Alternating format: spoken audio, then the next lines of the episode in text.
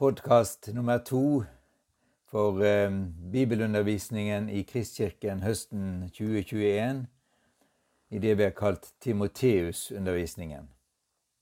Og Nå skal vi bli litt mer kjent med Timoteus gjennom det han skriver i brevene sine, i det Paulus skriver i brevene sine. Brevene fra Paulus i Det nye testamentet står ikke i kronologisk rekkefølge.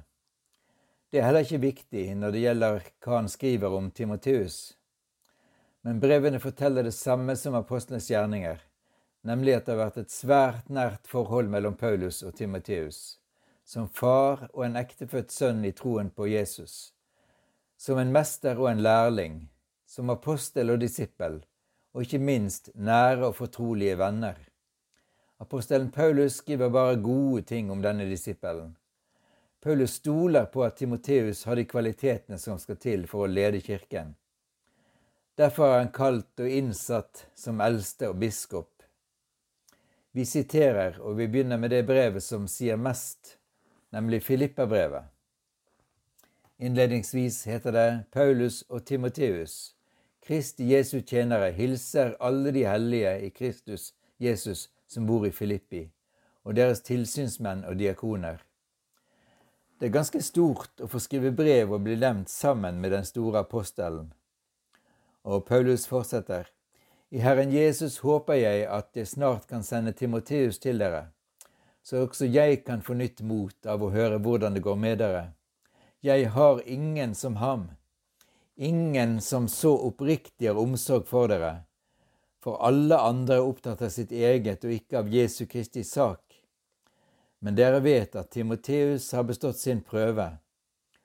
Han arbeidet for evangeliet sammen med meg, slik en sønn hjelper sin far. Et ord å lese flere ganger og grunne på. Rombrevet.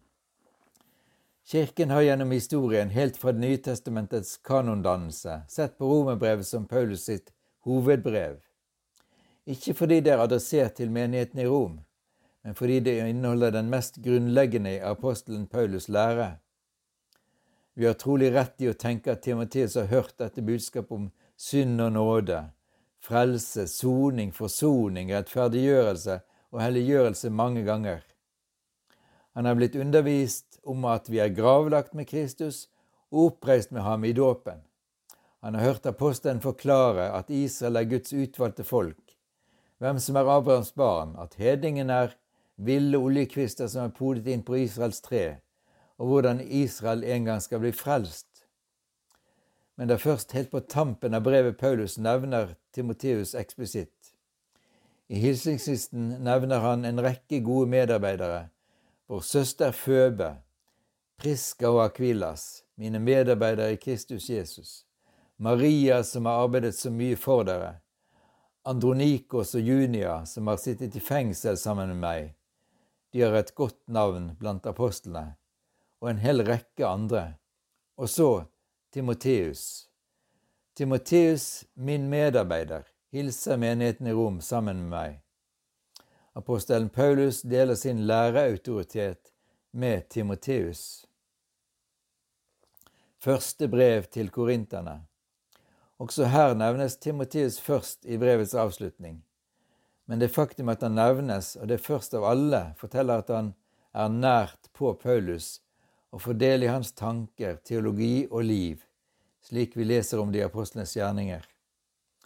Det Paulus skriver i brevet, f.eks. om korset, moralske spørsmål og oppstandelsen, har Timoteus tatt imot som en disippel. Paulus' teologi blir Timoteus' teologi, helt og fullt. Dersom Timoteus kommer, så sørg for at han kan kjenne seg trygg hos dere, for han gjør Herrens gjerning akkurat som jeg, skriver Paulus. Det er gjenklang av Jesu ord om disiplene og apostlene.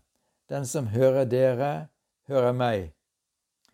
Hvis Timoteus hadde forkynt et annet budskap enn det menigheten kjente fra apostelen, skulle de ikke ta imot ham. Men nå med apostelens anbefaling må de ta imot ham som apostelen selv. Og ingen må se ned på ham, skriver Paulus. Timoteus var en ung mann og trolig litt forsiktig. Han hadde ikke den naturlige autoriteten som apostelen Paulus hadde, så det kunne være lett å se ned på ham eller overse ham. Men nei, sier apostelen, det får de ikke gjøre, for han gjør Herrens gjerning på samme måte som apostelen Paulus selv. Hva lærer det oss om hvordan vi skal ta imot en Herrens tjener, selv om han ikke har personlig autoritet? Det avgjørende er at han gjør Herrens gjerning og har Herrens autoritet. Andre brev til korinterne. Her er Timoteus avsender av brevet sammen med apostelen Paulus.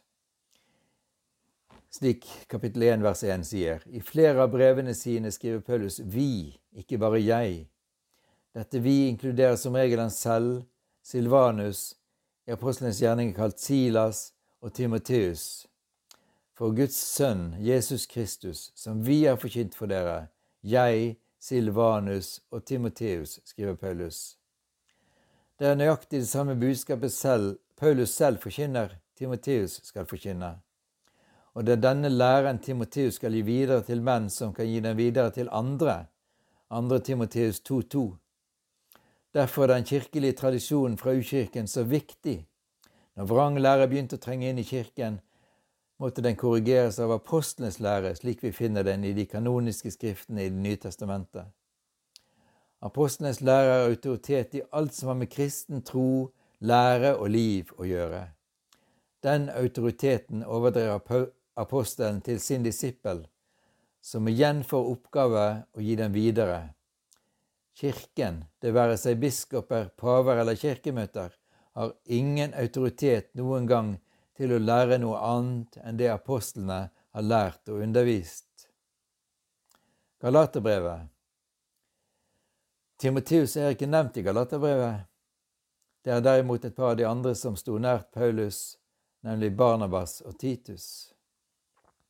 Efeserbrevet Efesos er byen der Paulus lot Timotius, Timoteus bli tilbake for å bli igjen for å ha tilsyn med menigheten.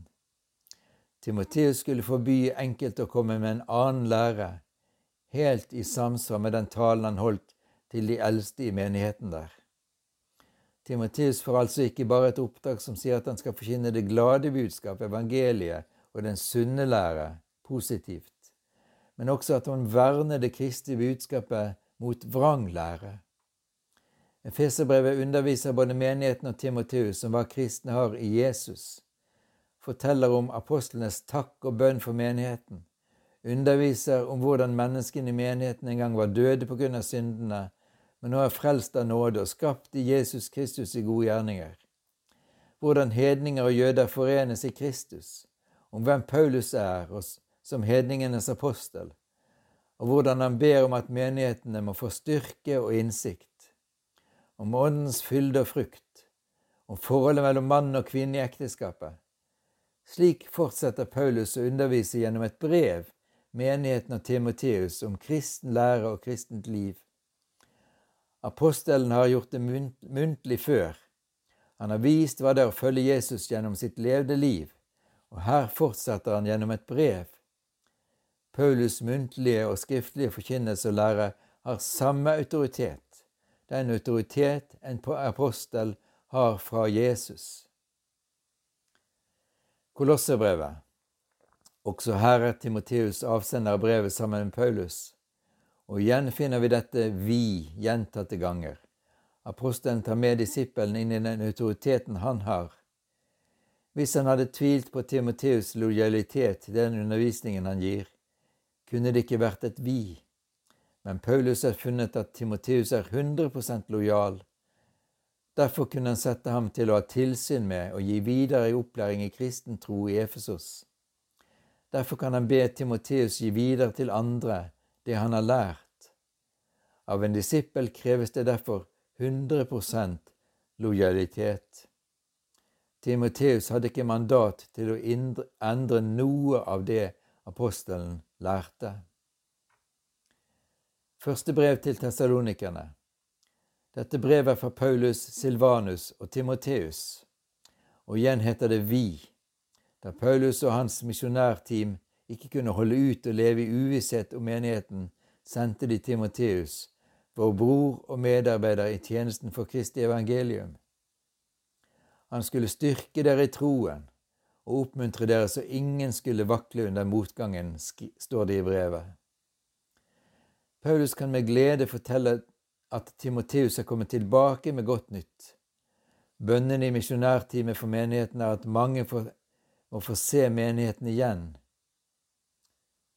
og at vi må utfylle det som ennå mangler i deres tro. Tar vi til oss det siste, det som skal utfylle det som ennå mangler i vår tro? Vi blir jo aldri utlært som kristne, verken i lære eller liv. Vi kalles til å strekke oss etter mer. Vi bes om å være sultne på Guds ord. Vi må vokse på alle områder i vårt åndelige liv. Det er mer å innta. Andre brev til tessalonikerne. Igjen er det Paulus, Silvanus og Timoteus som er avsender av brevet, og som gir menigheten den hilsen som markerer brevenes intensjon. Nåde være med dere og fred fra Gud vår Far og Herren Jesus Kristus. Det er ikke uten grunn at denne hilsen også innleder gudstjenestene. Slik har det vært i kirken gjennom hele historien. Og nytt, på nytt finner vi dette vi i brevet mange ganger. Og Dermed har vi hatt en kort gjennomgang av Paulus' omtale av Timoteus i brevene til menighetene. I neste artikkel, neste podkast, skal vi se hva Paulus skriver i brevene til Timoteus.